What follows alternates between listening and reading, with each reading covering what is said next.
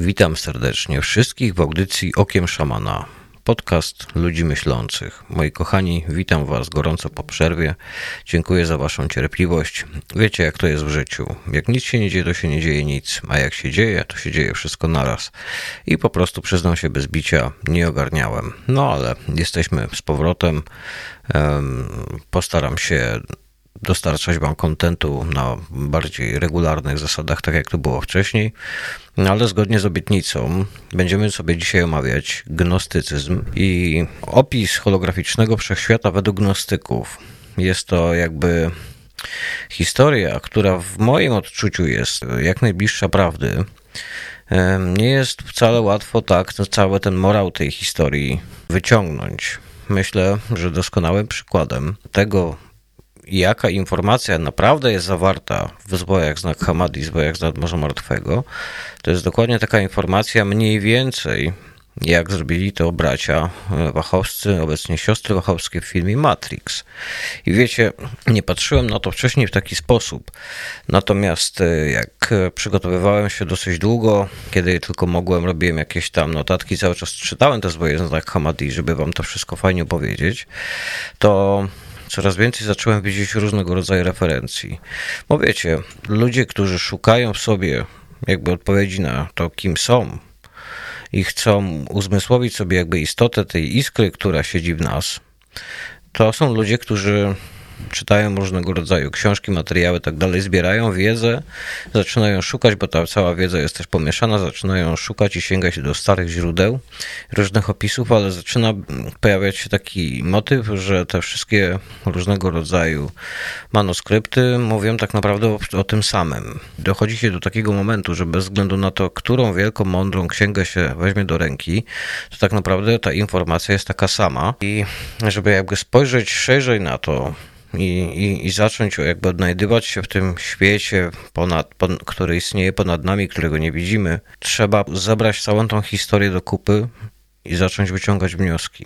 Doskonali jakby w zgromadzeniu takiej, takiej fajnej pigułki skondensowanej tego, w jaki sposób sobie to poukładać, zrobili to y, gnostycy. Przy czym tak, problem w zwojach z nadmorza martwego jest taki, że no jest to opis chrześcijański. Chrześcijańska ikonografia jest tutaj narzucona. No i ja nie wiem jak wy, ale ja na przykład do opisu właśnie pokroju chrześcijańskiego miałem awersję ze względu na nasz kościół, który się mocno rozwinął oczywiście w Polsce i ma na społeczeństwo ogromny wpływ i ta ikonografia i ta cała histeria wokół, wokół całej historii jest odwrócona i postawiona totalnie na głowie. Żyjemy w świecie, w którym wszystko jest do góry nogami. Ludzie dążą do rzeczy, do których nie powinni dążyć. Ikonografia, historia i wszystkie tym podobne sprawy są postawione na głowie. Na zasadzie, no nie wiem, za 50-100 lat dzieci w szkołach będą się uczyć, jak to, jak prawda, jak czarna ospa, druga pandemia, taka COVID-19 uderzył w ludzkość. Wiecie o co mi chodzi, nie? Wiecie doskonale, jaka strona tej historii będzie przedstawiona. No więc gnostycy przedstawiali swoją wersję tych wydarzeń i, i, i ta gnostycka wersja jest jakby najbliższa mnie, ponieważ ze mną to rezonuje. No i tak, wiecie, najzabawniejsze jest to, że im więcej razy się to czyta, tym coraz więcej rzeczy się widzi. Powiem wam krótko o tych zwojach. Datuje się je mniej więcej na drugie, trzecie stulecie. Tak na dobrą sprawę nikt tego dobrze nie zdatował, bo im się nie chce. Znaczy nie to, że im się nie chce, tylko że no, no nie chcą, żeby to konkretnie było wiadomo, z jakiego to dokładnie pochodzi okresu. Same zboje zostały znalezione w 1945 roku przez faceta, który szedł sobie no, tam pustynią, pomiędzy jakimiś jaskiniami rzucał kamienie. No i tak rzucił kamień do jednej z tych jaskiń i usłyszał, że ten kamień w coś uderzył, więc wydrapał się facet po tych kamieniach tam, żeby zajrzeć, w co ten kamień uderzył, no i zobaczył, że uderzył w dzban i wszedł do jaskini, w której było pełno dzbanów, w których były zwoje, jakieś manuskrypty, różne takie rzeczy. Więc facet powiadomił ówczesne władze, konserwatorów zabytków tak dalej, no i oni zaczęli to wszystko mm, odkopywać. No i stamtąd mamy różnego rodzaju e, Ewangelie, typu Ewangelia Tomasza, Judasza, Marii Magdaleny, i tak dalej, i tak dalej. I, I w tych zwojach jest zawarta informacja, o której będziemy sobie dzisiaj mówić dużo, bo ta informacja jakby dla tej całej sprawy jest kluczowa. Natomiast sytuacja wygląda tak, że ci gnostycy, żeby zrozumieć mniej więcej jak to wyglądało, ci gnostycy to byli jakby synowie uczniów i uczniowie jakby uczniów Chrystusa, którzy pomiędzy sobą dzielili pewną wiedzę, prawdziwą wiedzę o prawdziwym jakby chrześcijaństwie, ale to nie chodzi o chrześcijaństwo, to jest tylko taka nazwa, żebyśmy wiedzieli o czym mówimy, o, o jakby o prawdziwej wierze w to, co naprawdę miało miejsce, w co, co, co sprawi, że człowiek będzie mógł jakby zrealizować samego siebie tutaj w tym naszym wcieleniu. I było tak, że ci gnostycy widzieli, że doskonale, że ówczesny system, który się rozwija im nie pasuje, że wszystko jest postawione na głowie, oni nie chcą brać w tym udziału.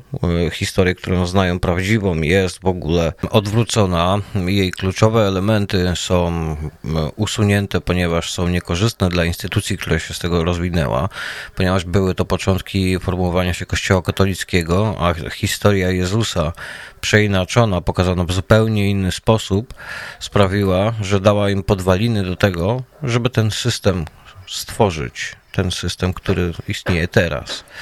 No i dlatego gnostycy postanowili się odłączyć. No, takie jeszcze były czasy, mieli możliwość, po prostu odłączyli się od tego społeczeństwa i ukrywali się po różnych tam wioskach, osadach, zakładali jakieś takie małe wioski, ale to było na zasadzie takie, wiecie, no, no, no, no chłop, grupa chłopaków z żonami gdzieś tam się osiedlili w, jakimś, w jakiejś dziupli, nie? E, no i oni nawzajem do siebie pisali listy oraz spisywali hmm, niektóre z tych rzeczy, które chcieli, żeby zachować, żeby były wartościowe. I wówczas rozwijający się Kościół chrześcijański zaczął bardzo ich ścigać i tępić. Oczywiście, no, jak to zawsze w ich przypadku. I tak naprawdę uważa się, że mniej więcej 70-80% zostało zniszczone i, lub zawłaszczone przez Kościół chrześcijański. Stąd też, powiedzmy sobie, jest ilość jakichś tam materiałów historii o czymś.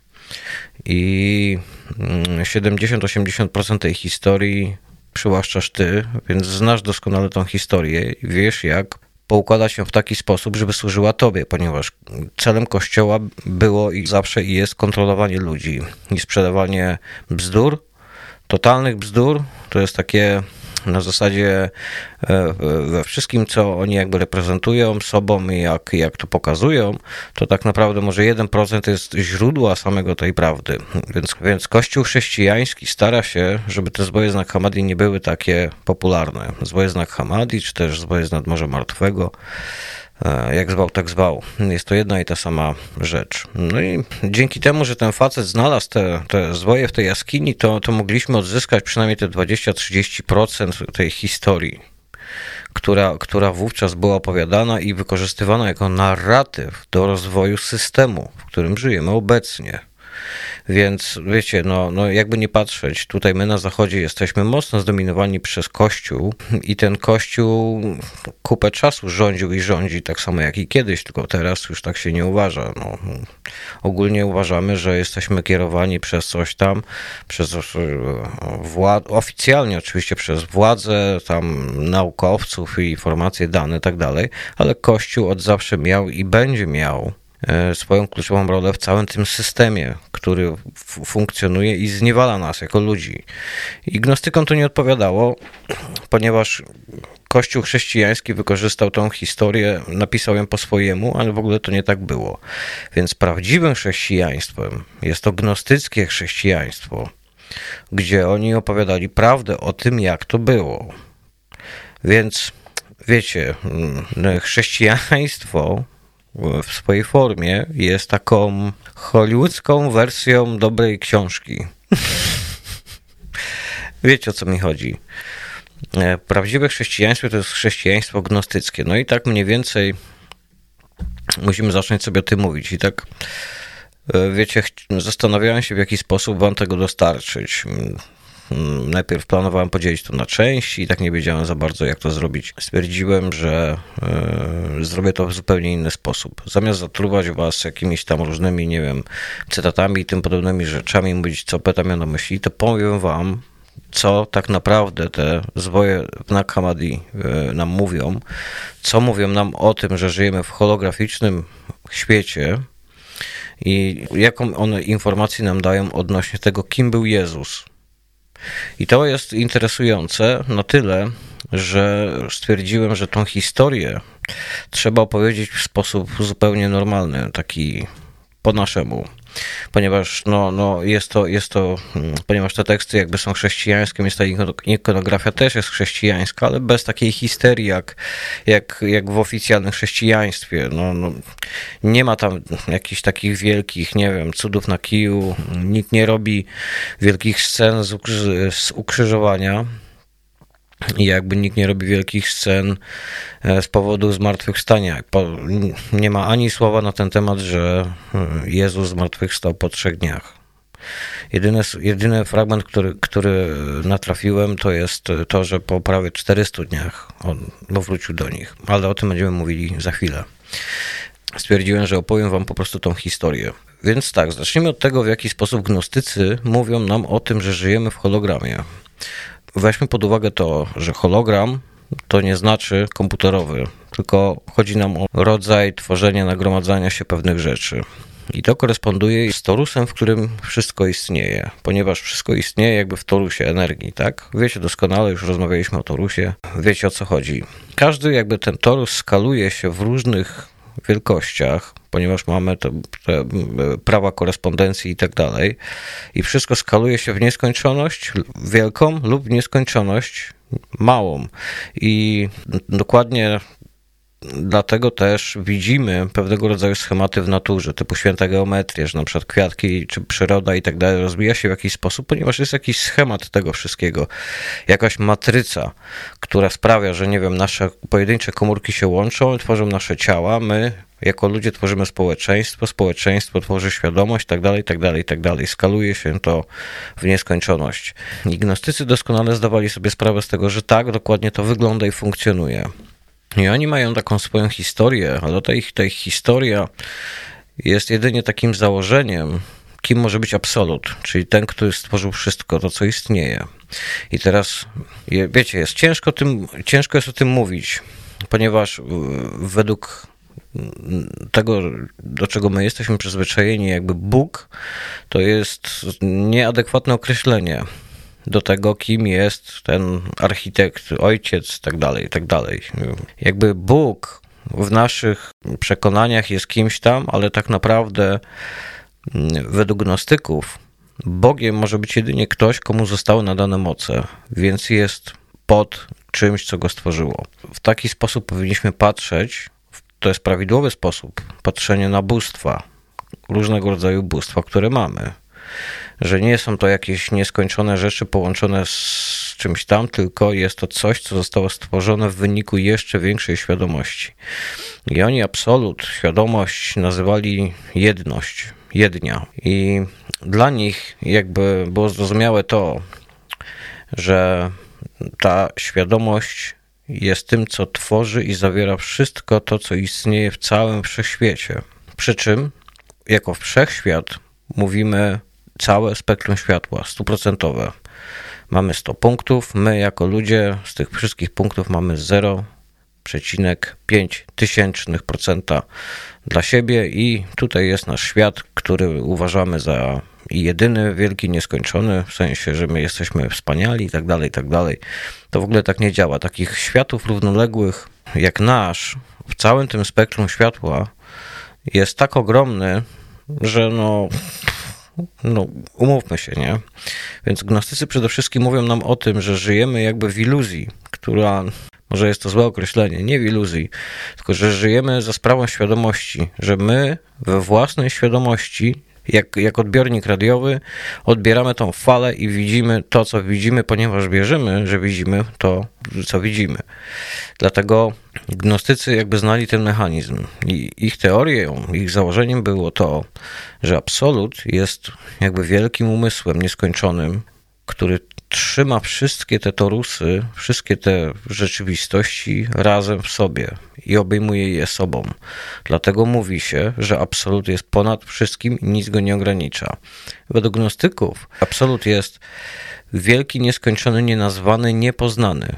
Nie ma czegoś takiego, jak ktoś poznał, kim, czym jest absolut. jedność, jednia, no, architekt, ponieważ nikt nie jest w stanie objąć do swojego stanu jakby świadomości, bez względu na to, jaki, jaki, jakiego formatu jest to rozwój, w którym z tych różnych eonów, tak dalej, nikt nie jest w stanie pojąć tego, czym to jest. I jedyne, co możemy robić, to jakieś takie wysuwać nasze marne wnioski z całej tej perspektywy. Mówicie, jeżeli my mamy 5000% widzialnego spektrum światła, to w porównaniu do całości to jest masakra, a w naszych 5000 my widzimy miliardy galaktyk. My jesteśmy jedną kropką w naszej galaktyce drodze Galaktyki są miliardy. Wyobraźcie sobie rozmiar tego. To jest masakra. Więc gnostycy wiedzieli doskonale, że nie są w stanie tego dokładnie opisać, ale według nich było tak, że ta jednia, ta, ta, świadomość, architekt, ojciec nieskończony istniał od zawsze. Po prostu. Od zawsze istniał. I on w swoim istnieniu zaczął myśleć nad tym, kim mógłby się stać. I ten absolut z tymi swoimi myślami zaczął powodować, że, że stworzenie coraz bardziej zaczęło się jakby formułować. I absolut stworzył kilka różnych emanacji z siebie, po to, żeby mogły tworzyć światy, po to, żeby mógł podzielić się i zacząć to wszystko obserwować. I te światy gnostycy nazywają eony. Więc te wszystkie światy zaczęły się formułować tak dalej i, i, i te wszystkie jakby światy były też świadomością. Ta, ta świadomość wielbiła tego wielkiego architekta, bo, ponieważ mówimy z perspektywy tego ogromnego kosmosu, mówimy o czymś, co jest jeszcze jakby większe, więc mówimy o tym trochę w formie takiej, że ta, ta jakby wiedza na temat tego, kim architekt jest, coraz bardziej się zawęża. E, więc ci, którzy są zaraz jakby pod architektem, mają ogromną świadomość i części jego mocy, ale mimo wszystko oni sami po prostu jedyne, co są w stanie zro zrobić, to wpatrywać się w niego i wielbić go. Tak opisują to gnostycy. Jedna z tych świadomości miała na imię Sofia. I Sofia była taka, że była w takim jakby zachwycie tego, że może zrobić wszystko, co zechce, ona jest wieczna, ma największe moce, jakie mógł, jak w ogóle absolut jej dostarczyć. I Sofia zaczęła się tak ekscytować, że chciała zrobić wszystko, tylko co tylko jej przyszło do głowy. Jedno z, taką, z takich rzeczy przyszło jej do głowy to, żeby stworzyć twór złożony z samej siebie, bez jakby zgody absolutu. Więc ona zrobiła jakby w tajemnicy przed tym absolutem, ale to jest nie, nie ma czegoś takiego jak tajemnica przed absolutem, kumacie, ale ona zrobiła to sama, sama z siebie stworzyła swój własny twór, który był jakby tylko jedną połówką całości. To jest tak jakby matka sama z siebie zrodziła dziecko. I ponieważ to dziecko urodziło się z niej i było bardzo zdeformowane, wyglądało zupełnie inaczej niż wszystkie inne emanacje dookoła, wszystkie eony dookoła, które, które wyglądały w jakiś jeden charakterystyczny sposób, a ona stworzyła sama z siebie zniekształcenie. I nie wiedziała za bardzo, co z tym zniekształceniem zrobić. Różni ludzie w różny sposób na to patrzą, porównują to trochę do sztucznej inteligencji. Natomiast generalnie sedno sprawy jest takie, że ten mm, twór, któremu na imię Samael, gdy został stworzony, jakby zabrał jej moc, ale brakowało mu kompletu mocy w postaci e, cząstki architekta. No i Sofia zawstydziła się przed, przed samą sobą, przed innymi eonami, przed architektem, więc postanowiła wybić na sam koniec tych wszystkich neonów, które się wówczas stworzyły, stworzyła wielką chmurę dookoła i umieściła tam w środku ten swój twór. I ten twór zaczął tam jakby dorastać sam. Otoczony totalną czernią, tak dalej, te, te chmury jego otaczały, tak dalej, i on jakby nie zdawał sobie sprawy z tego, że ktoś go tam umieścił. I on, jak zaczynał dorastać i jego świadomość zaczynała się powiększać, ponieważ on zawierał połowę części mocy swojej matki. Czyli nie był kompletnym tworem, tak jak matka powinna z ojcem zrobić dziecko, tak, tylko był stworzony z jednego jestestwa, bez zgody ojca, bez jego udziału. I jemu jedyne, co pozostawało, to ta jakby połowa niekompletnych informacji. Natomiast ta połowa sprawiła, że on zawierał w sobie wiele różnych elementów i wiedział jakby doskonale, jak rozkłada się y, pochodzenie stworzenia, natomiast brakowało mu jednej rzeczy, którą jest kreatywność. Nie potrafił sam nic z siebie wymyślić kreatywnie, potrafił jedynie tworzyć kopie rzeczy, które znał. I stąd też pochodzi hmm, takie założenie, że my, jako ludzie tutaj na Ziemi, jesteśmy wykorzystywani do tego, żeby zutylizować naszą kreatywność w celu stworzenia samym sobie jeszcze większego więzienia. Ponieważ ta siła, która zarządza jakby tym wszystkim, jest niekreatywna, potrafi jedynie kopiować. I on zaczął myśleć w ogóle, że jest świetny. I że to on właśnie jest ten tutaj. On nie wiedział jakby w ogóle o tym, że, że, że, że to wszystko istnieje gdzie indziej, że, że, że on, wiecie, że jest cokolwiek ponad nim. On myślał, że on jest wszystkim tym, co istnieje, ponieważ jego też otaczała wielka, nieskończona czerń i zaczął rozumieć to, że on może swoją świadomością, swoimi myślami też tworzyć różne rzeczy. Więc też zaczął tworzyć swoje emanacje. I była to część jakby też tego wielkiego fraktala, który się wszędzie powiela. On po prostu w sobie miał część informacji i wiedział, w jaki sposób formułować różne rzeczy. Więc zaczął tworzyć różnego rodzaju emanacje, które były jego sługami, którzy są opisani jako demony w księdze Salomona. I oni są właśnie tymi arkonami, o których będziemy no, e, za chwilę rozmawiać. No i jak on wszystkich ich stworzył, ten twór, który został tam wytrącony w tą czerń, w pewnym momencie zadeklarował im wszystkim, że i on powiedział: Ja jestem Bogiem jedynym i nie ma nikogo przede mną. I wtedy, kiedy to zrobił, jakby zgrzeszył przeciwko architektowi. I nagle z ponad niego, on nie wiedział w ogóle skąd, e, pojawił się głos, który powiedział mu: Ty jesteś Bogiem ślepym, Samaelu. Jesteś zaślepiony przez własną pychę, a Samael oznacza niewidomy, ślepiec. I on na to odpowiedział: To ja w takim razie będę Bogiem zazdrosnym. No i zwrócił się do swoich e, synów, e, arkonów, i obwieścił swoim arkonom, że on jest jakby stwórcą jedynym, jego pycha i arogancja zaślepiła go, za, zaślepiała go na tyle, że nie był w stanie w ogóle zrozumieć tego, że jest w błędzie. Więc on tym wszystkim swoim arkonom powiedział, że on jest Bogiem jedynym i jest Bogiem zazdrosnym. I ta informacja pośród tych różnych arkonów zaczęła być takim ziarnem, takim zasianym, no skoro on mówi, że jest Bogiem jedynym, to kogo miałby być zazdrosny? Ale w trakcie, gdy do Samaela przemawiał głos z ponad niego, e, w strumieniu wody ukazało się odbicie tego, kto te słowo wypowiadał. I tą osobą była Sofia. I w strumieniu światła, które odbijało się na lustrze wody, jeden z synów tego Samaela, zwrócił się ku niej i zaczął ją wielbić i zaczął szukać tego sam w sobie. I on był synem, który zwrócił się przeciwko temu Samaelowi całemu. Poprzez to, że on jakby odwrócił się w stronę, on wiedział, jakiego rodzaju jest tworem, ale mimo wszystko chciał jakby zbliżyć się do tego e, absolutu poprzez Sofię. I poprzez to, że on miał w sobie takie pragnienie, to jemu zostały nadane moce, które górują ponad wszystkimi tymi arkonami. Natomiast nie jest powiedziane dokładnie, czy są te moce takie same jak moce samego Samaela.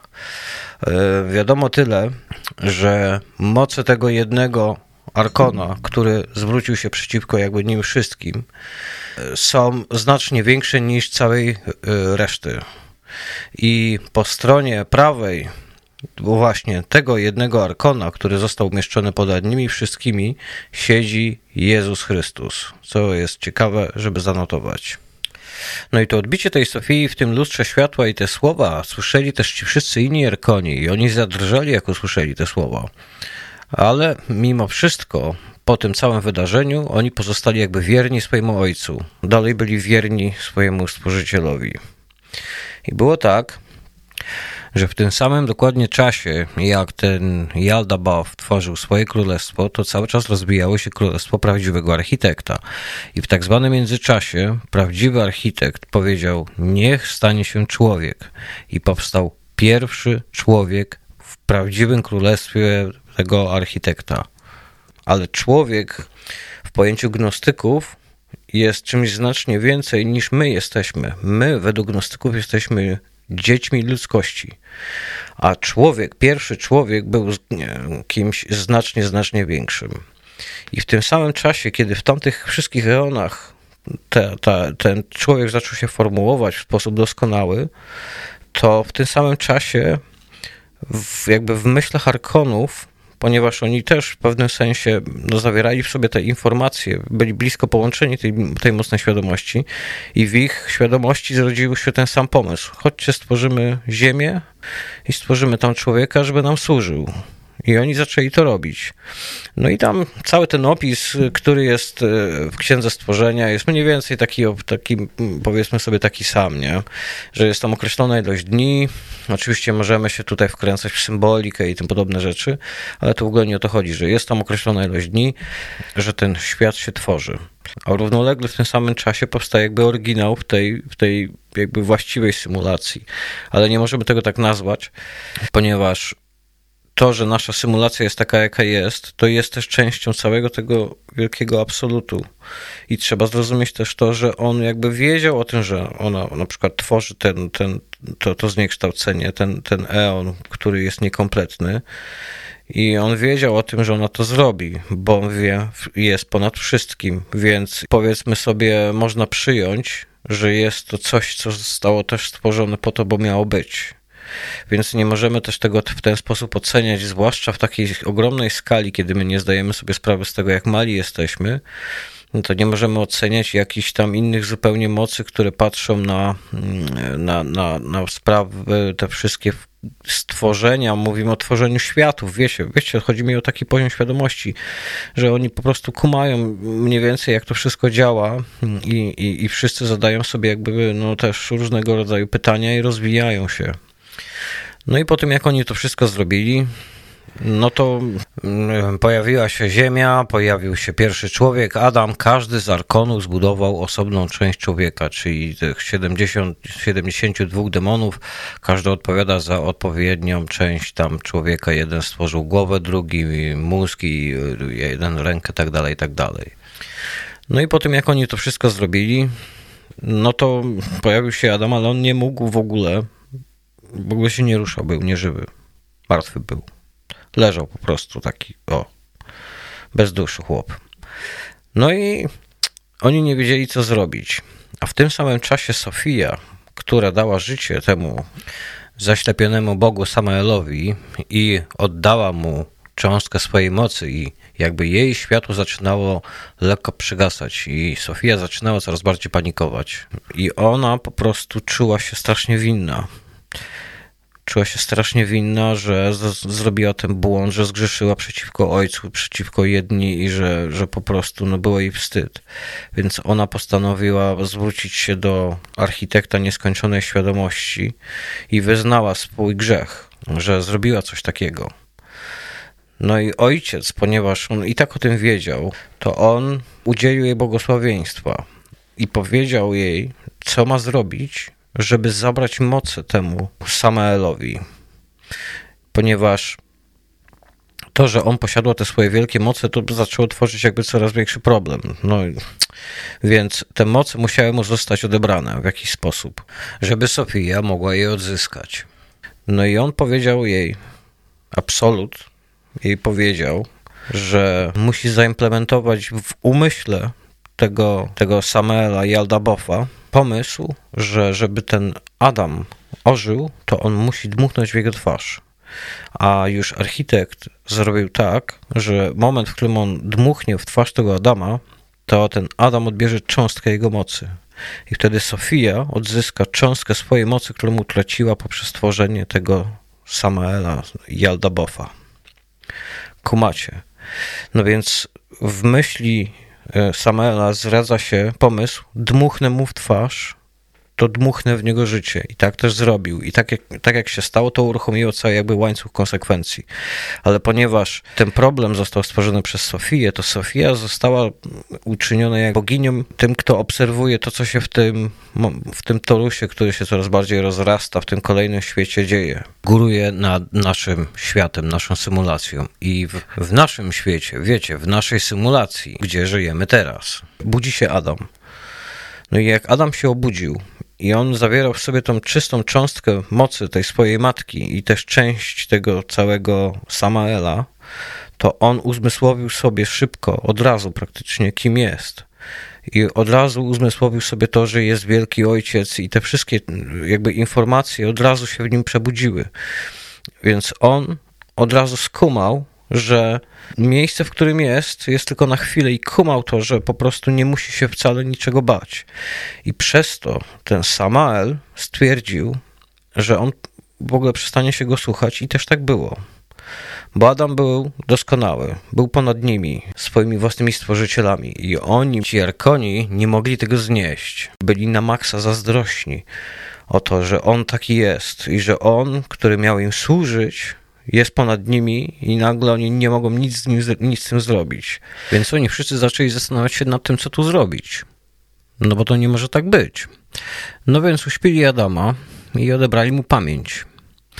To trochę przyćmiło jego postrzeganie pewnych rzeczy, no ale jak została odebrana mu pamięć, to wtedy ten Samalu mieścił go w raju.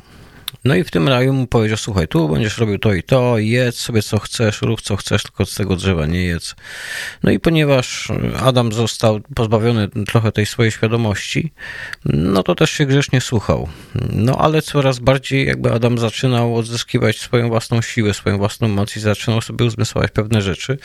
No więc Arkoni znowu zaczęli się zastanawiać nad tym, co tu zrobić, żeby ten facet po prostu, no robił, no, robił to, co ma robić i przestał się zastanawiać. A już Adam, jako pierwszy człowiek stworzony na Ziemi, był pierwszym niewolnikiem i sługą Arkonów. I to, co Arkoni wykorzystywali w Adamie, to była jego kreatywna świadomość. Pozbawili go jego pamięci, skąd pochodzi i tak dalej. Natomiast jego kreatywna świadomość była źródłem jego zniewolenia i była wykorzystywana przez Arkonów. Oni, ponieważ byli w stanie stworzyć e, ze schematu, który posiadali sami w sobie różnego rodzaju e, świat, rzeczy i tak dalej, ale już nie wiedzieli na przykład jak to ponazywać. I stąd bierze się historia Adama, do którego Elohim, tak, przynoszą poszczególne zwierzęta, pokazują poszczególne rzeczy i pytają jak to się nazywa. I Adam im mówi, o to jest ptak, to jest, nie wiem, sarenka, to jest krowa, to jest drzewo, bo oni Wiedzieli, jak to stworzyć, ale nie wiedzieli, jak to się nazywa, więc wykorzystywali kreatywną stronę Adama do tego, żeby dowiedzieć się, jak to się wszystko nazywa, co oni zbudowali. Ale ponieważ ich jakby głównym celem było to, żeby Adam nie zawracał sobie sprawy innymi rzeczami, więc y, uśpili go ponownie i stworzyli z niego kobietę. Jej nadzieję, że tworząc kobietę, zabiorą cząstkę jego mocy. Ale chcieli też to zrobić w taki sposób, że żeby nie powielać wcześniej popełnionego błędu prostego stworzenia człowieka, który jest im nieposłuszny, to postanowili zasiać w Ewie swoje ziarno. Czyli zmodyfikowali jej kod genetyczny i zaimplementowali w nią część swojego kodu, dzięki któremu oni wiedzieli, że będą mogli się próbować przez nią multiplikować w jakiś sposób, tak aby móc wpływać na Adama. No i stworzyli Ewę, on się obudził i on powiedział, że to o, po raz pierwszy zobaczył w ogóle drugiego człowieka. Powiedział, o to, to krew z, mo z mojej krwi i ciało z mojego ciała.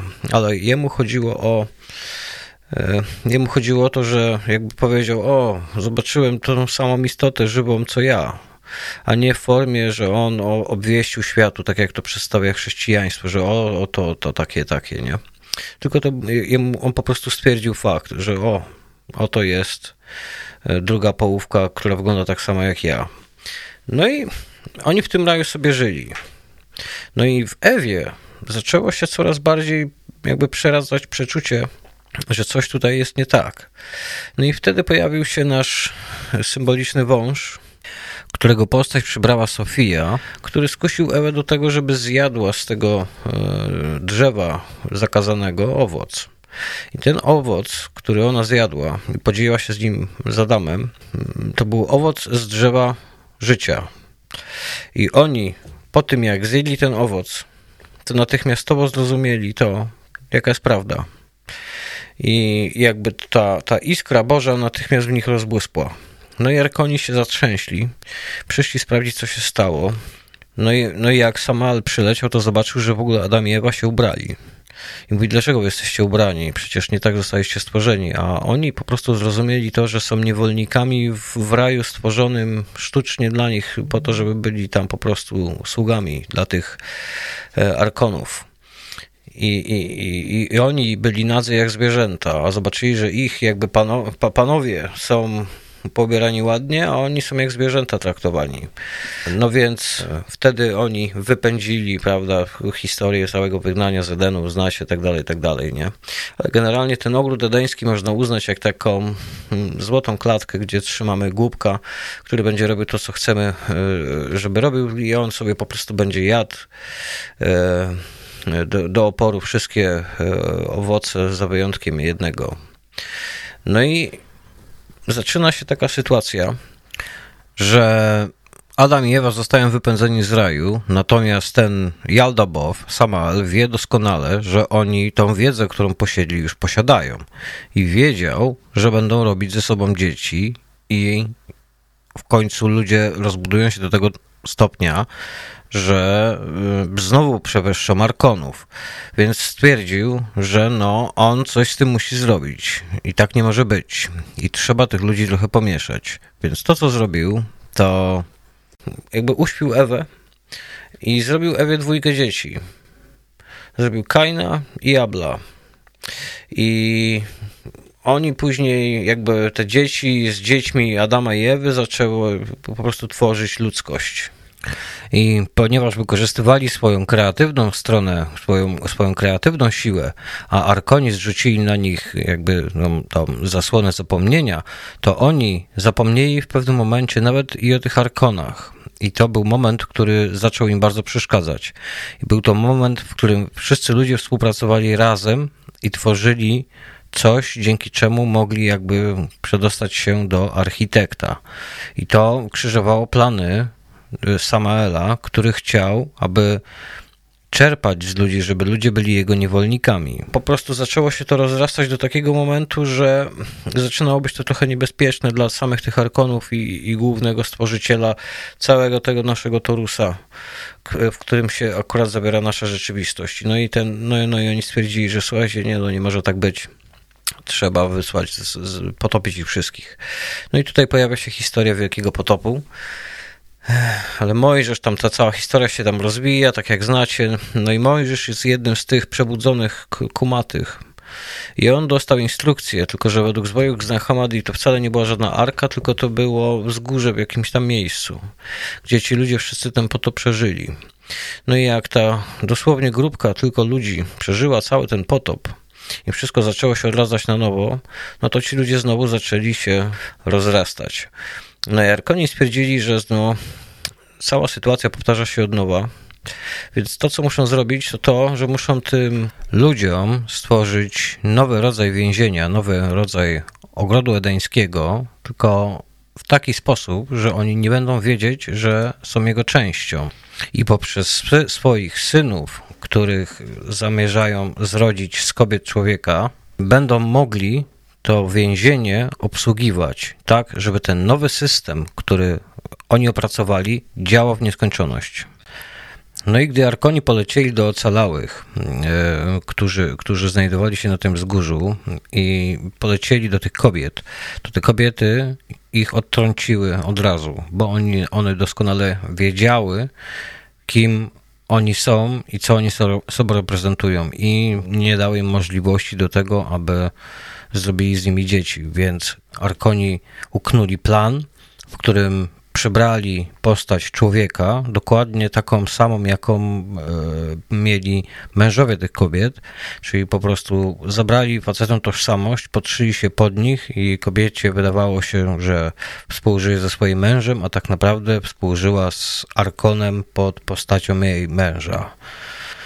Więc jest to też ciekawy przykład tego, w jaki sposób oni są w stanie, powiedzmy, manipulować tą naszą rzeczywistością, tą naszą symulacją. No i tak też się działo. No i później cały świat, który zaczął się namnażać pomiędzy sobą, i zaczął się rozwijać, to ci ludzie z tymi jakby synami tych arkonów, już na tyle się rozwinęli, że te dzieci tych arkonów zaczęły ludziom dawać coraz więcej rzeczy, które odwracały ludziom uwagę, żeby tylko nie zaglądali w siebie za bardzo, tylko żeby odwracali sobie uwagę innymi duperelami. To, to jakby cały ten proces zaczął się toczyć w taki sposób, że ci te jakby dzieci tych arkonów y, kręcą tym systemem, że ci ludzie się nie budzą i tak ten proces tutaj działa. I gnostycy o tym wiedzieli już wtedy, gdy ówczesny system się formułował. I oni od razu wiedzieli, że nie, nie chcą być tego częścią, bo to zniewala ludzi. Ponieważ no, jest tak, jak jest.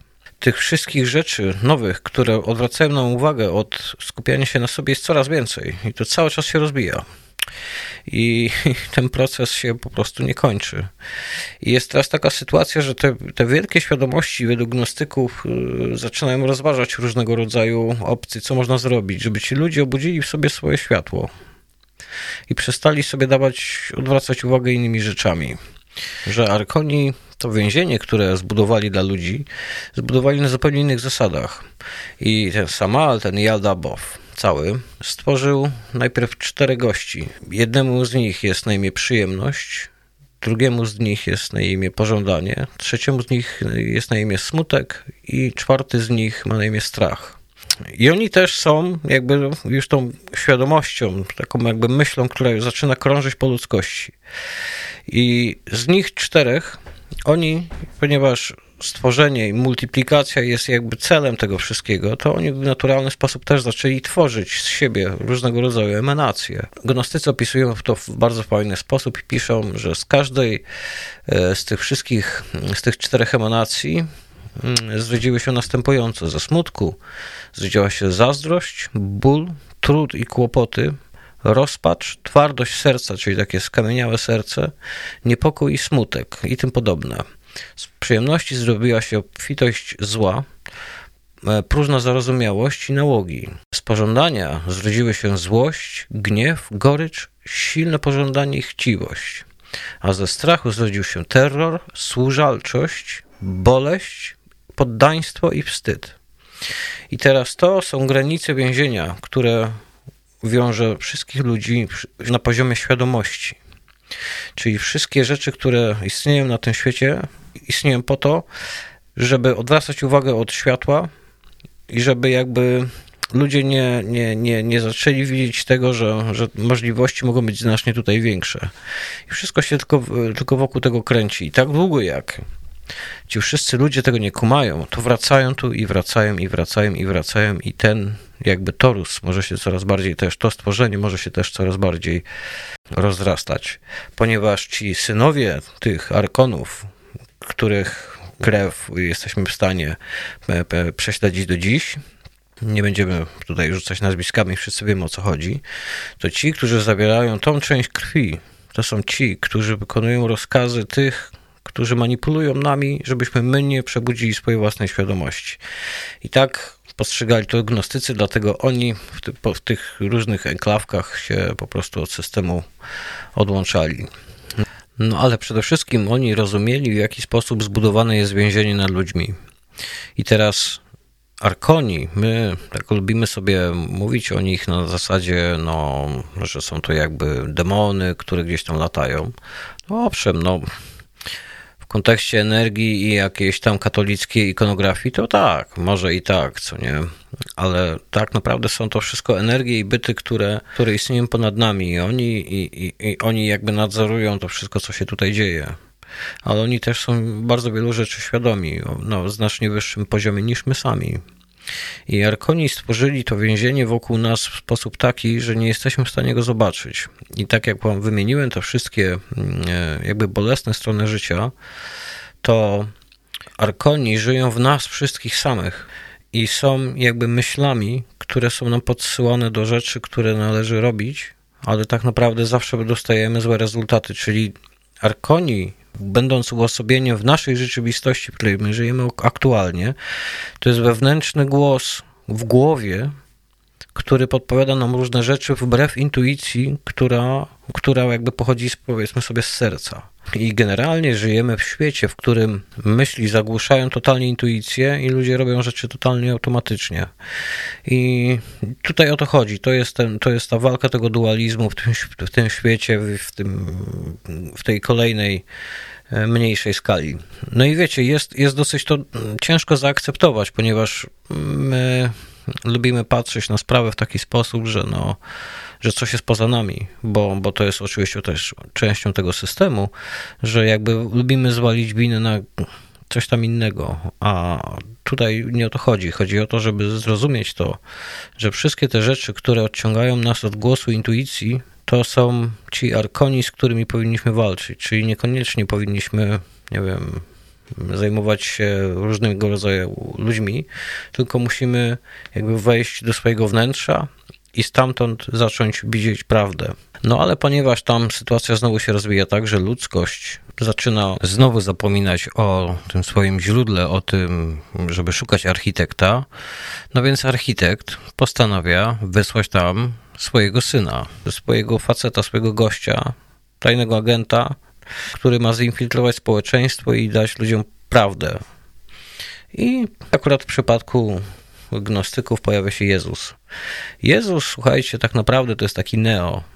To jest taki trochę też James Bond e, i na niego należy zupełnie inaczej spojrzeć. Wiecie, Jezus zupełnie inaczej zdobywał followersów. Nie, nie, nie, nie, nie korzystał z Facebooka tylko e, tak jak szedł i nauczał, to, to trafiał do niektórych, do niektórych nie trafiał. No i ogól, oczywiście wszyscy wiemy o dwunastu apostołach, natomiast według gnostyków było tam jeszcze siedem kobiet i cała ta historia w ogóle z Jezusem jest dosyć interesująca, bo on od samego początku im mówił i on wiedział o tym, że on umrze na krzyżu. On wiedział to wszystko, bo on był jakby w pełni doskonały. E, był przebudzonym Neo w Matrixie, który wie, że po prostu może robić to, co chce.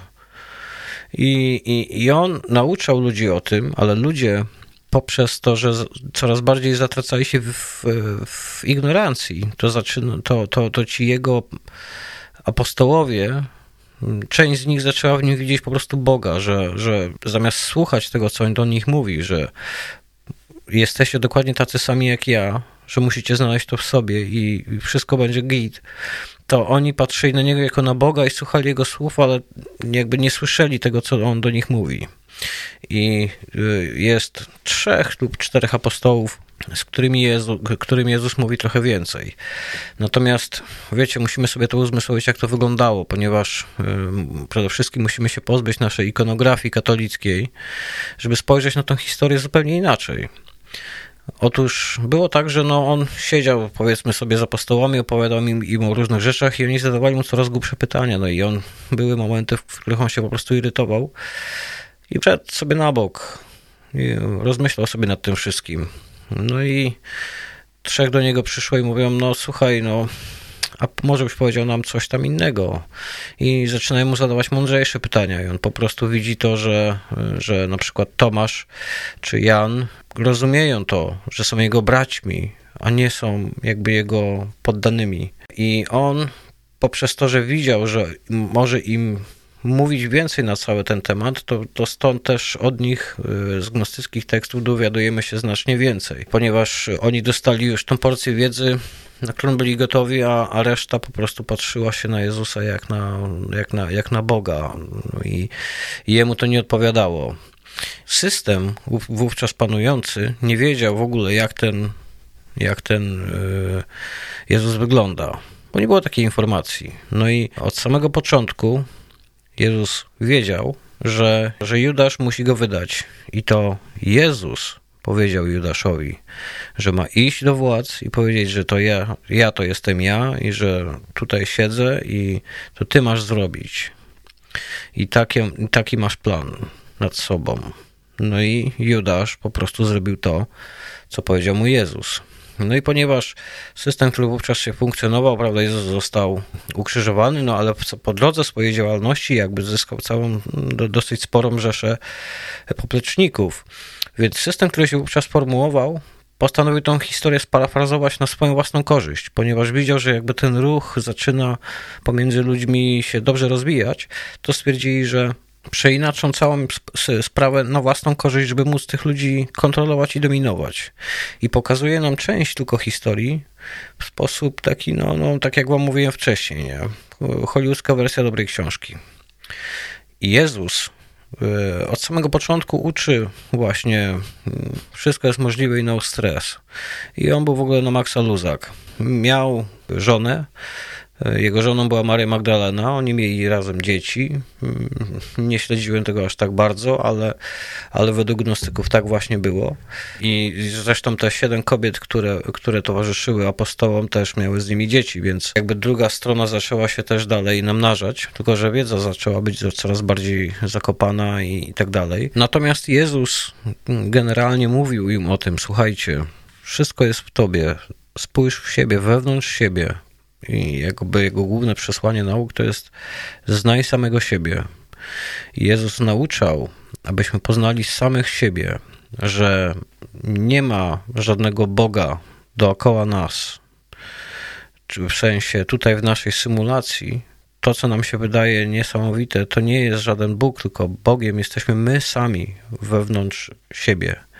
I Jezus mówił o tym, że ten, kto odnajdzie światło w sobie, po tym jak skończy tutaj tą inkarnację, to będzie w stanie wyjść, skończyć lekcję tutaj i po prostu przejść do tego lepszego świata, w którym będzie mógł się dalej rozwijać i uwolnić się z więzienia, które jest stworzone w umysłach ludzi na Ziemi. I on mówił o tym, że tylko, ten, tylko w taki sposób ludzie są w stanie się z tego wyrwać. W przeciwnym razie w nieskończoność będą się tutaj odradzać i ten świat będzie się dalej rozrastał. Jezus y, mówił do tych swoich uczniów, no, słuchajcie, ale wiecie, postawcie się też trochę na ich miejscu. Tak jak wam mówię, zapomnijcie yy, katolicką ikonografię. Wyobraźcie sobie, siedzicie z gościem, no facet faktycznie, no kurde, gada takie rzeczy, że masakra, nie? Zaczynamy w niego wierzyć, jesteśmy jego, jego prawda, y, y, followersami. No i ona mówi, słuchajcie, w ogóle śmierć nie istnieje, to jest wszystko żart, jesteście tu tylko na chwilę, jest życie wieczne, jest, jest mega po prostu, słuchajcie, nie martwcie się, olejcie te wszystkie problemy, tylko zwróćcie się ku sobie i wszystko się będzie, wszystko, wszystko będzie git, co nie? No i, no ale o ile część z tych uczniów rozumiała o co chodzi, no to część też nie, nie potrafiła jakby wytłumaczyć tego innym e, w swoich społecznościach, gdzie, gdzie, tam, gdzie tam ci ludzie żyli. No i oni wracają do Jezusa i mówią, słuchaj, no ale no jak my im mówimy, co ty nas tutaj uczysz, to oni się z nas śmieją, mówią, że jesteśmy półgłówkami w ogóle, że zwariowaliśmy, że nam odbiło, nie?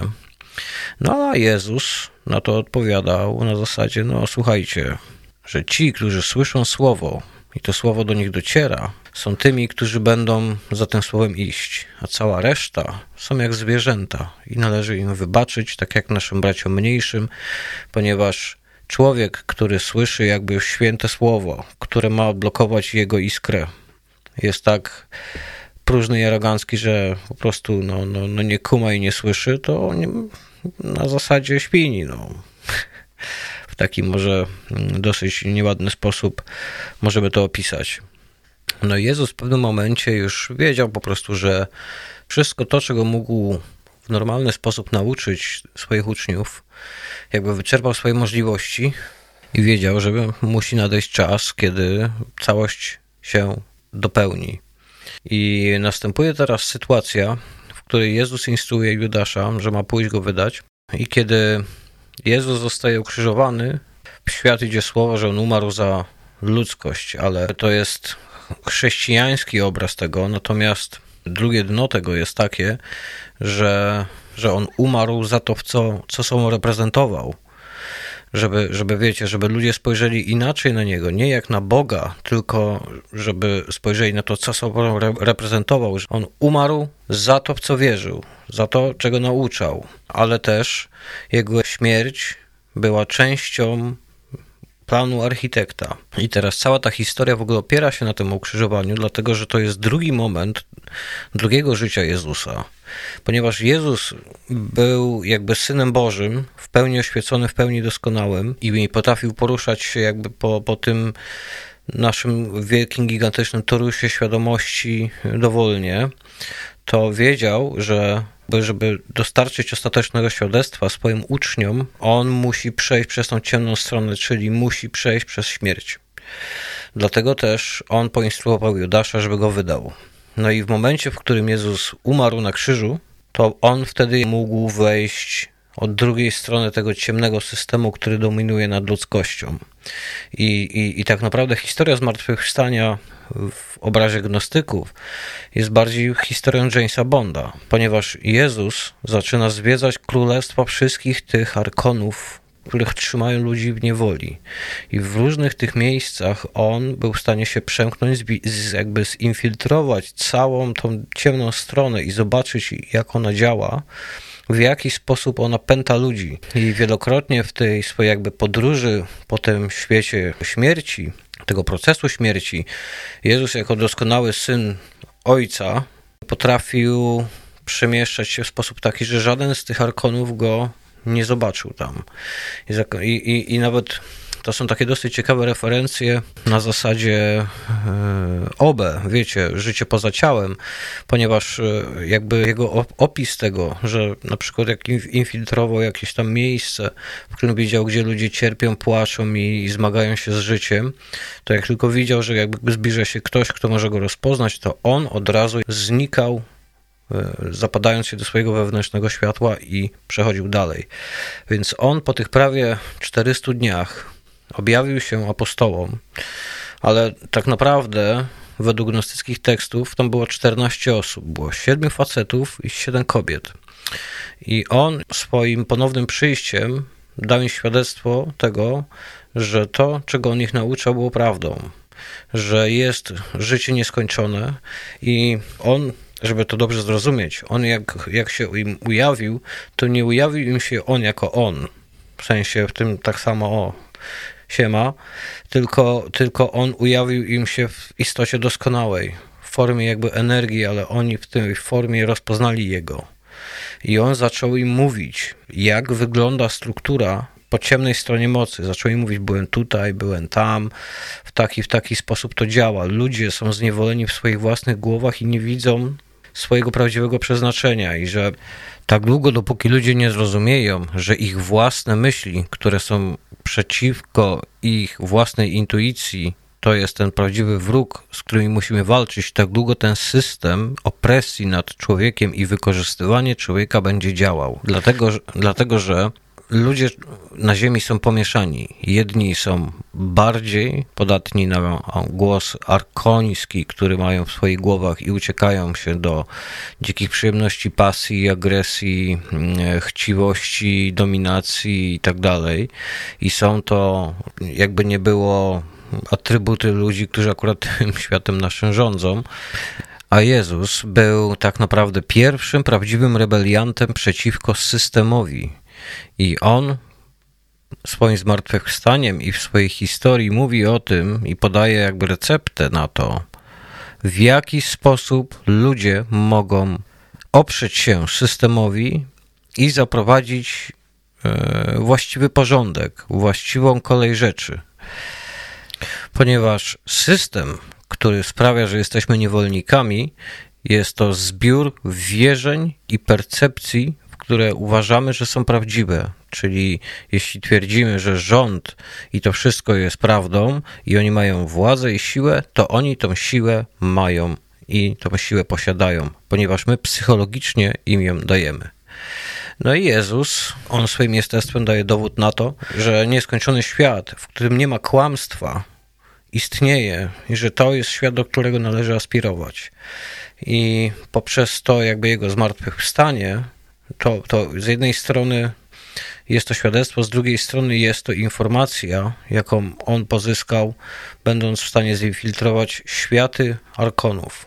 No i teraz przychodzi sytuacja taka, że no, no, ci, którzy tą wiedzę otrzymali, musieli się z tego w pewnym momencie otrzepać, dostrzegli prawdę, no i zaczęli tę prawdę spisywać. I w ten sposób te zwoje znak Hamadi się zaczęły się pojawiać w coraz większej ilości miejsc, ponieważ te, te gnostyckie enklawy zaczęły się gdzieś tam narastać, no i tak jak już wam wcześniej powiedziałem, Kościół katolicki zrobił wszystko, co mógł, żeby zniszczyć jak najwięcej, żeby całą tą historię przeinaczyć kompletnie, żeby pokazać Jezusa jako kogoś, kim on nigdy nie był, i to jest, e, wiecie, to jest hamstwo.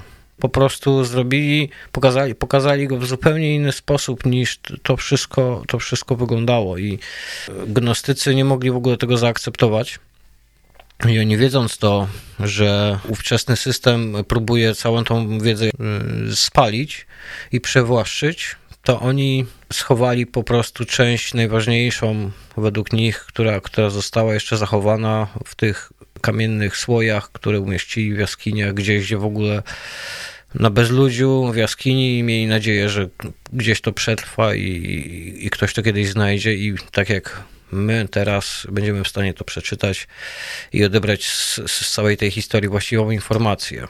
Wiecie, hmm, generalnie, tak jak wam mówię, postarajcie się popatrzeć na całą tą historię nie w sposób taki bardzo ikonograficzny, tylko bardziej popatrzcie na to na zasadzie takiej, że ludzie na Ziemi są dokładnie tak jak my, nagle pojawia się Neo i część z nas za nim idzie.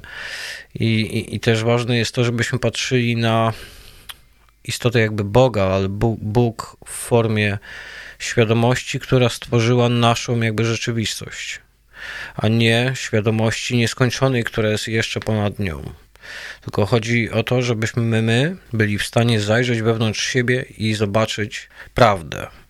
I to jest coś, co nazywają wielcy mędrcy oświeceniem, tak dalej, tak dalej, ale w takim, wiecie, codziennym życiu naprawdę bardzo często jest tak, e, ja tego doświadczyłem i, i z całą pewnością każdy z Was, że czuję, że coś powinienem zrobić, ale moje myśli, jak logika, e, sposób jakby łączenia różnych kropek e, na zasadzie konsekwencji, często w moim życiu górowała nad moim głosem intuicji, który wydawał się o wiele bardziej irracjonalny, a z kolei moja już logiczna strona górna, powiedzmy sobie głowna, już podpowiadała, że no może to są jakieś tam po prostu gruszki na wierzbie.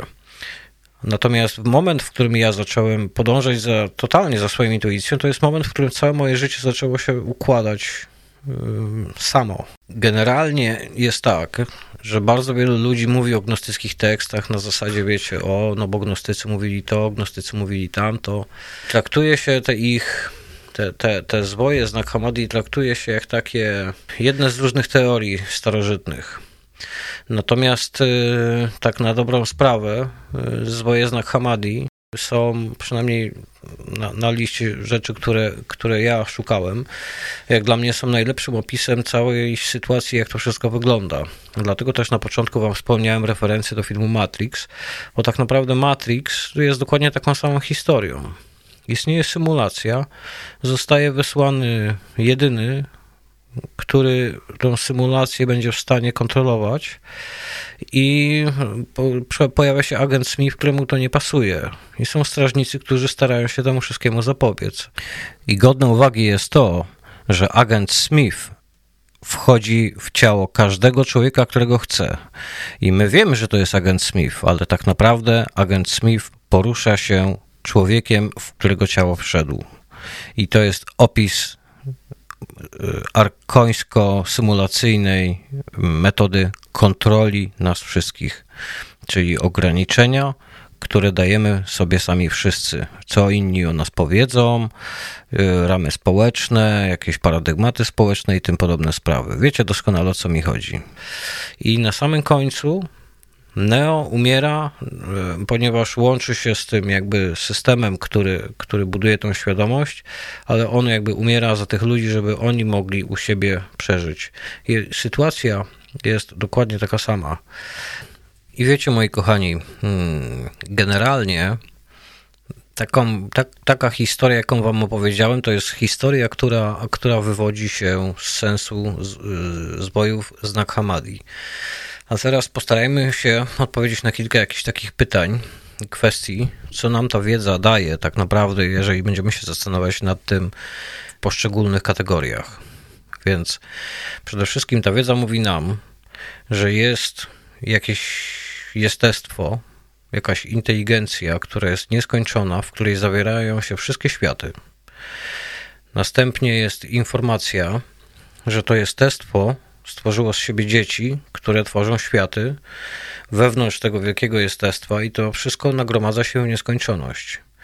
Jest informacja o tym, że w tym świecie, który zaczyna tworzyć się z tej czystej emanacji, rozradza się tam człowiek. Jest to człowiek doskonały, jest to prawdziwy człowiek, i tym prawdziwym człowiekiem jest nasze wyższe ja.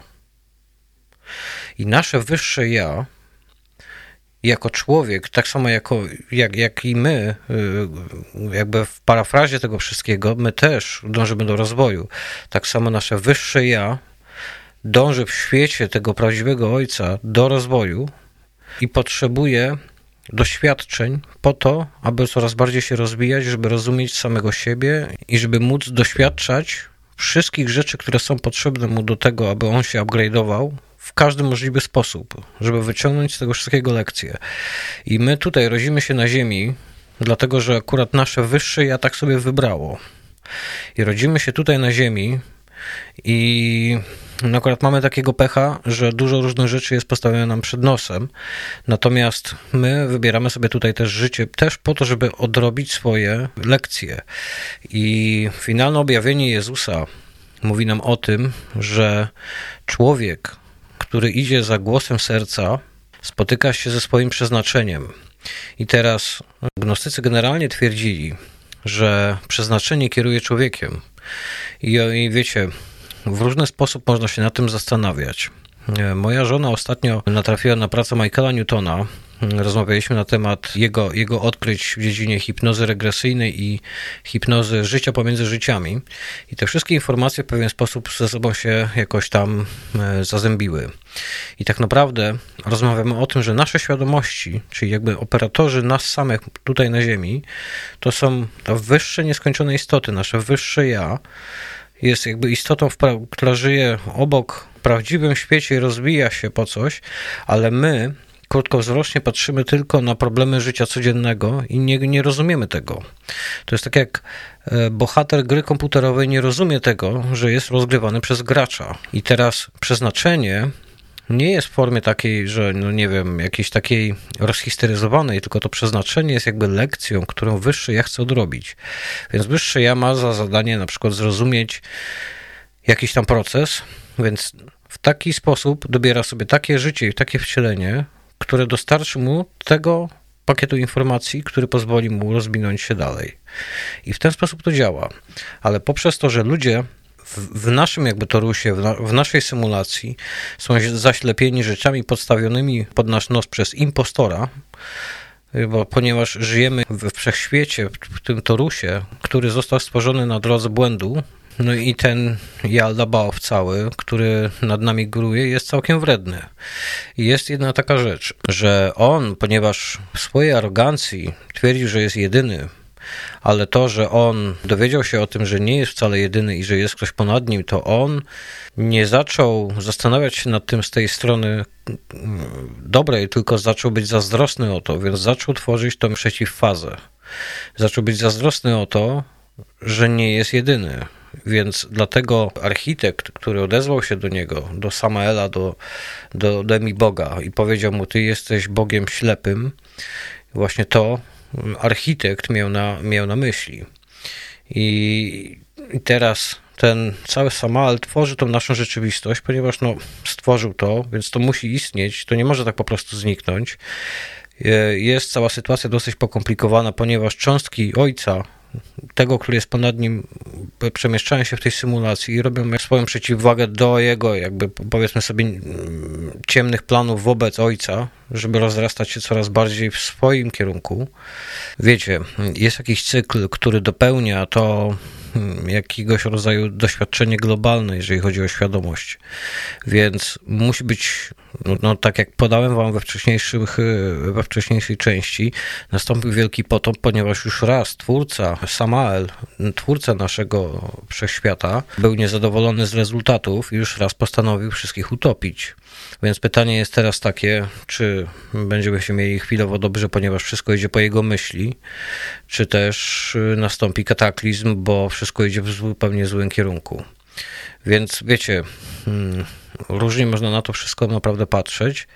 Natomiast dlatego też chciałem powiedzieć o gnostykach w serii Wiedza Nietajemna.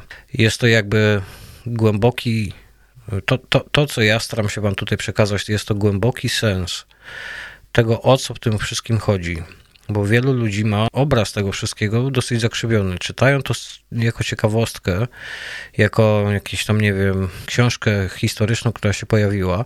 Traktują to jako jedno, jedną z teorii po prostu i, i jakby świat nie traktuje tej sprawy na tyle poważnie, ponieważ żyjemy wszyscy w tym samym więzieniu. Natomiast tak jak jest, tak musi być. I ta jakby ciemna strona, która przysparza nam problemów w życiu, to jest ta ciemna strona tego demi-boga, który jest Bogiem Jałę, Bogiem właściwym i jedynym w, w chrześcijańskim kościele. No więc wiecie, wszystko to, co idzie jakby pod prąd, jest zgodne z tym, co jest tak naprawdę właściwe. I, i, i oczywiście uważam, że granica moralności względem dobra i zła leży w każdym. I, jeżeli my, jako ludzie, będziemy podążać za swoją intuicją i będziemy rozgrywać sprawy z poziomu swojej intuicji, z poziomu swojego e, wyższego ja, to sprawa dobra, zła znika i pojawia się droga, która umożliwia realizację danej sytuacji. Dlatego patrząc na gnostyckie teksty, powinniśmy widzieć taki ukryty morał filmu Matrix. Żyjemy wszyscy w symulacji rzeczywistości. Jest to, jest to świadomość, która jakby śni na żywo to, co się dzieje, po to, abyśmy my mogli żyć do pełni swojego życia, żebyśmy mogli zrealizować swój plan, żeby nauczyć się czegoś jak na zasadzie jak dziecko w szkole. Po prostu nasze życie tutaj jest jakby lekcją naszego wyższego ja w danym momencie. Natomiast cały ten proces się nie kończy. I do naszej śmierci nam się wydaje, że jesteśmy kimś, ale tak naprawdę, jeżeli uzmysłowimy sobie prawdziwe swoje ja, to jest to, o czym mówił Jezus, żeby znać siebie, żeby znać, kim jest światło, które jest zawarte w człowieku. I wtedy człowiek odnajduje siebie i prawdę o sobie. I to ja, to prawdziwe, wyższe ja każdego człowieka jest to coś, jest to jakby forma świadomości w jeszcze wyższym tym eonie, która jest osobnym stworzeniem, jest jakby tym doskonałym człowiekiem stworzonym w tamtym świecie. Więc to życie naszej prawdziwej świadomości tutaj nie umiera kontekście takiego drastycznego umierania, jakiego obraz mamy my, tylko po prostu kończy się, kończy się lekcja jednego i zaczyna się lekcja drugiego. I są to takie punkty, w których oni zwracają uwagę na to, że człowiek podążający za głosem serca będzie realizował swój plan, spotka się z tym planem, skończy lekcję, pójdzie dalej i będzie się dalej rozwijał. I to, to, to jest prawdziwe jakby znaczenie słów które przekazywał Jezus. Sama w ogóle cała idea Kościoła mm, i całej instytucji, która wokół tego powstała, jest absolutnym, totalnym przeinaczeniem e, wszystkiego, czego on sobie reprezentował. Co jest, mm, to jak już wspomniałem, dosyć smutne, Samo to wiecie, wiecie, no Jezus nauczał, że Boga i światło każdy ma w sobie i, i, i mówił o tym, że każdy, kto podąża za fałszywymi prorokami obiecującymi zbawienie królestwa, nie dostąpi.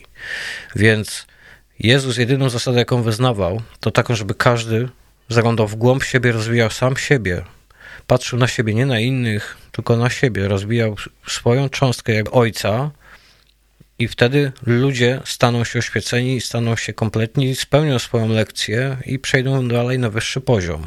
I nie będą więźniami tej symulacji, która utrzymuje nas w niewoli, tylko przedostaniemy się wyżej, dalej. No i wiecie, jak popatrzymy sobie na to z takiej perspektywy naszej nawet dzisiejszej, to sami doskonale wiecie, że wiele rzeczy, które impostuje na nas rząd, wszelkiego rodzaju władza i tak dalej, to są bardzo często rzeczy, które rozsądnym ludziom naprawdę nie są w ogóle na rękę i pętla coraz bardziej się zapętla. I dochodzimy do momentu, w którym, nie wiem, na przykład podatki dochodowe i inne rzeczy zabijają przedsiębiorczość i, i jest, dochodzi do momentu impasu.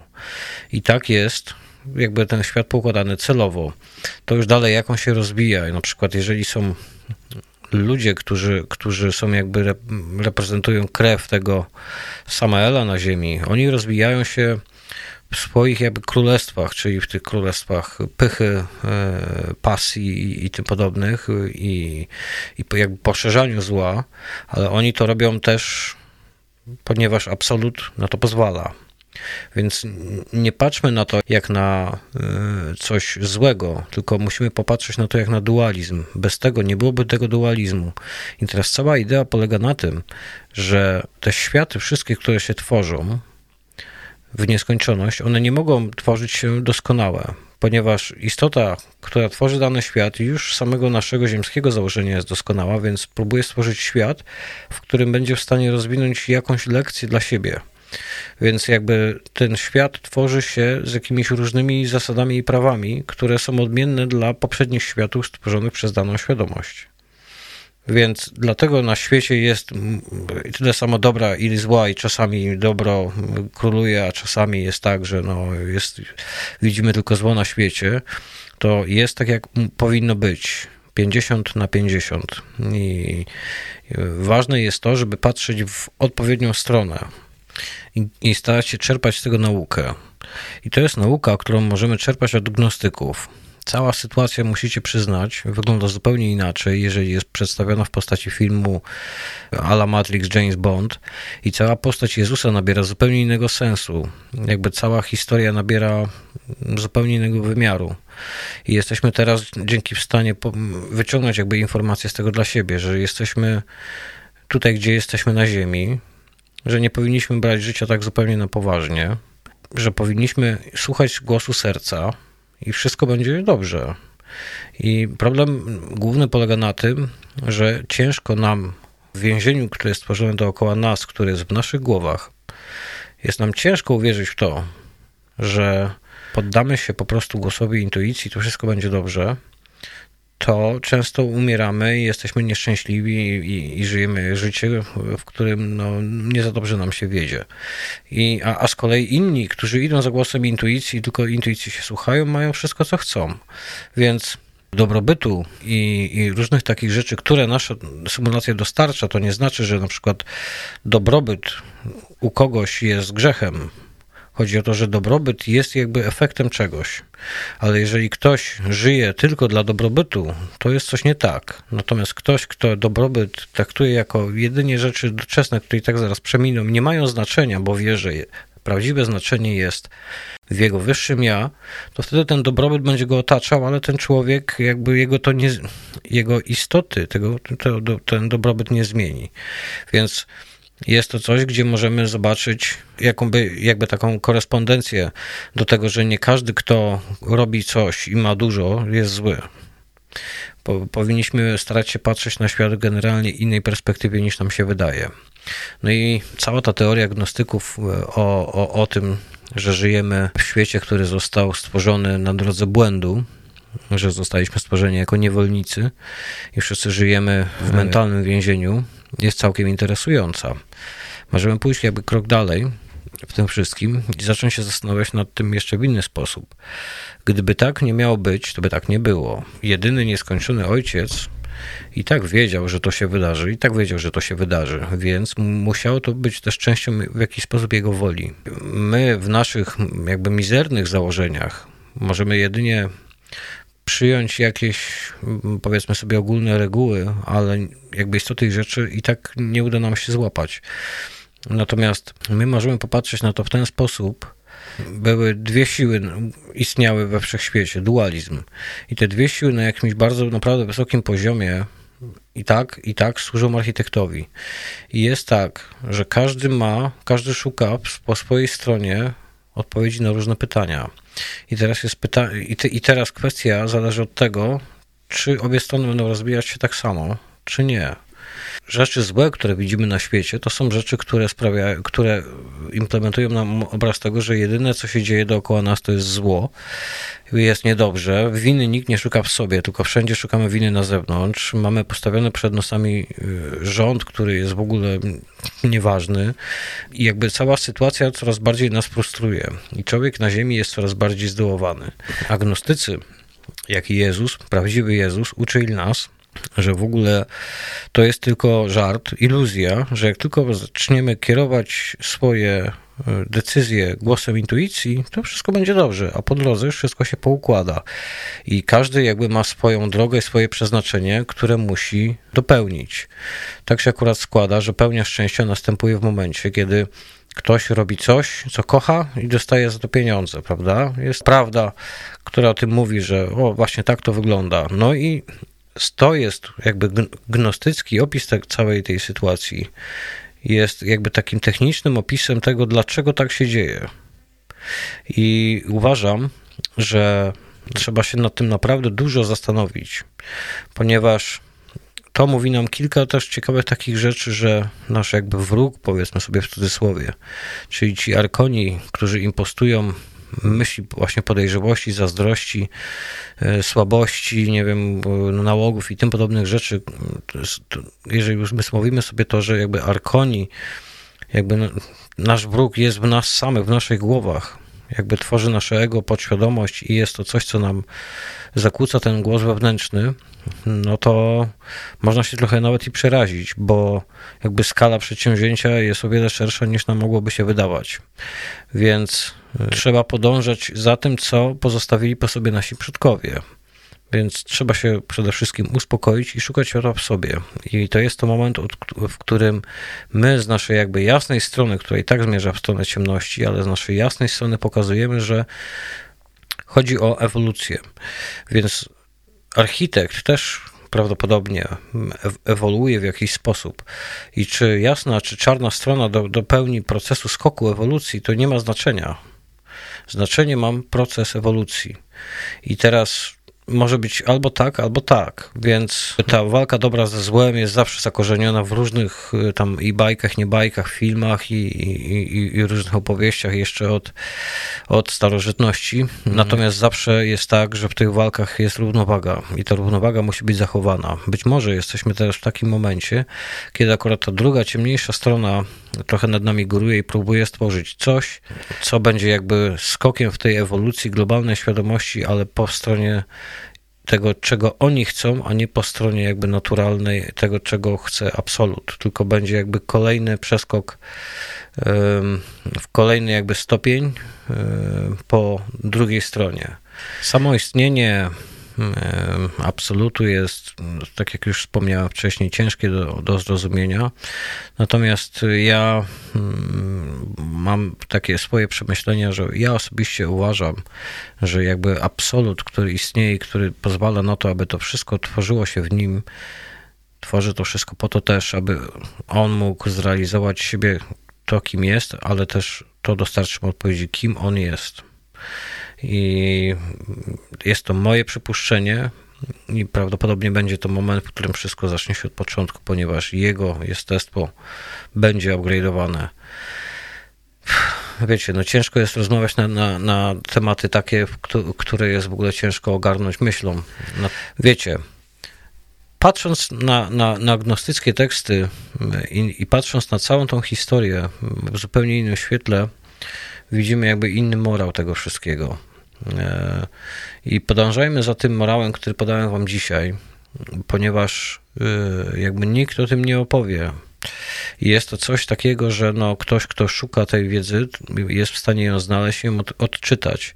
Natomiast nikt wam nie poda tego w taki jakby sposób, y, który wam otworzy łopatą głowy, tylko chodzi o to, że mam nadzieję, że, że mój opis tego wszystkiego i, i, mój jakby sposób rozumowania nad tym wszystkim pomoże wam i pokaże wam, co, jaka jest ukryta prawda w tych księgach znak Hamadi, żebyście wy nie musieli tego rozkminiać i, i, i, gdzieś tam po swojemu to obczajać. Natomiast zachęcam każdego z was do przeczytania zwojów znak Hamadi, chociaż z tego co wiem, to w Polsce może być to całkiem trudne, ponieważ chłopcy z kościoła katolickiego postarali się już bardzo mocno, żeby mm, pełne tłumaczenie zwojów znak Hamadi w Polsce się nie ukazało, co jest w ogóle dosyć oburzające, ponieważ jest to dziedzictwo historyczne, które należy się nam wszystkim, a oni po prostu w, w kościele, ponieważ dominu, w Polsce, ponieważ tam bardzo dominują czarni, to oni nie chcą, żeby e, za dużo Polaków się dowiedziało o tym, że ich wiara to jest tylko parafraza tego, co miało faktycznie miejsce w rzeczywistości. Oczywiście, nawet gdyby to się okazało teraz jako główna książka, to może niektórzy zobaczyliby tego znaczenie, ale są tacy, którzy po prostu tego słowa nie słyszą i nie widzą i nie rozumieją. I, i, i stąd często bierze się frustracja nas, kiedy zastanawiamy się w ogóle nad tym wszystkim, jak to tym wszystkim ludziom w ogóle wytłumaczyć. Wiecie, ja miałem szczęście, żeby postawić się w sytuacji, w której jestem w stanie mówić do Was i do Was, do których dociera informacja, wracacie do mnie i, i możemy jakby tą wiedzę i podróż poszerzać. Natomiast y, w normalny sposób, idąc do kogoś na ulicy, próbując mu to wytłumaczyć, to, to, to sami wiecie, jaki jest rezultat. Zresztą zapewne wielu z Was prze, przechodziło przeprawę rozmów covidowych szczepionych ze swoimi rodzicami. E, no wiecie, sami o czym mówię doskonale. Także jeżeli chodzi o gnostyków, to myślę, że dostarczyłem Wam sedno sprawy i bardzo Was proszę, żebyście się nad tym zastanowili, ponieważ tak jak zawsze Wam mówię, my tutaj istniejemy tylko po to, żeby doświadczać życia dla naszego wyższego ja. Powinniśmy słuchać głosu serca, żeby swoje wyższe ja w sobie odnaleźć, żeby wiedzieć, kim naprawdę się jest. Róbmy to, co chcemy robić, a nie to, co musimy, co nam się wydaje, że musimy robić, i nie bójmy się tego, żeby podążać za jakby swoją jasną stroną. Tylko słuchajcie, cholera, ja wam powiem tak. Świat w dzisiejszych, dnie, e, w dzisiejszych czasach zmienia się w takim kierunku, że ja już tutaj nie chcę wracać. Naprawdę, sorry. Ja bym już chciał zdać do następnej klasy. Mam nadzieję, że mi się to uda i bardzo bym też chciał, żebyście wy poszli razem ze mną, żebyśmy nie musieli siedzieć jeszcze raz tutaj i przerabiać dalszego rozwoju tych wydarzeń, które się szykują w jakimś, w jakiejś nowej, w jakimś nowym życiu, no bo to, to w ogóle nie, nie, nie, nie, ja tutaj nie chcę wracać, nie wiem jak wy. Także moi kochani, Zachęcam Was do przeczytania zbojów znak Hamadi, chociażby tych tłumaczeń, e, które są e, po polsku. Z całą pewnością te, te, te zapiski dadzą Wam też trochę do myślenia. Jest na pewno przetłumaczona Ewangelia Tomasza, tak samo jak i jest przetłumaczona Postaza Archontów. Ewangelii Tomasza, jak zobaczycie, jak wiele, generalnie cała Ewangelia Tomasza to, to są jakby jego pytania i odpowiedzi Jezusa. No i, i, i, i prawie cała Ewangelia Tomasza składa się ze słów, które mówił Jezus. I on czasami mówił dosyć e, rzeczy kontrowersyjne na zasadzie, że nie wiem, że ojciec powstanie przeciwko synowi, syn przeciwko ojcu w domu człowieka i że będą ze sobą na przykład walczyć, czy jakieś takie inne różne rzeczy. No, mhm. jemu, ponieważ sednem jego nauk było coś zupełnie innego, to jemu też chodziło o coś zupełnie innego. Chodziło mu o jakby proces rozwoju w trakcie, gdy dzieci zaczynają dorastać i, i zaczynają dorastać w coraz to innej rzeczywistości, zaczynają się buntować i, i należy na to wszystko patrzeć pod trochę bardziej wyluzowanym kątem. Natomiast y, bardzo gorąco Was proszę, abyście trzymali się sprawy kluczowej, której jest podążanie za własnym światłem. Moi kochani, już niedługo będziemy słyszeć się ponownie w audycji Okiem Szamana. Ja postaram się dostarczać Wam częściej wartościowego kontentu. Pewne rzeczy już się tutaj jakby, że tak powiem, poukładały i będę mógł sobie to rozplanować w taki sposób, żeby, żeby dzielić się z Wami swoimi przemyśleniami i wiedzą zdobytą e, częściej niż to miało miejsce ostatnio. Moi kochani, pozdrawiam Was serdecznie. Ja nazywam się Bartosz Socha. Słuchaliście audycji Okien Szamana. Trzymajcie się ciepło. Hej.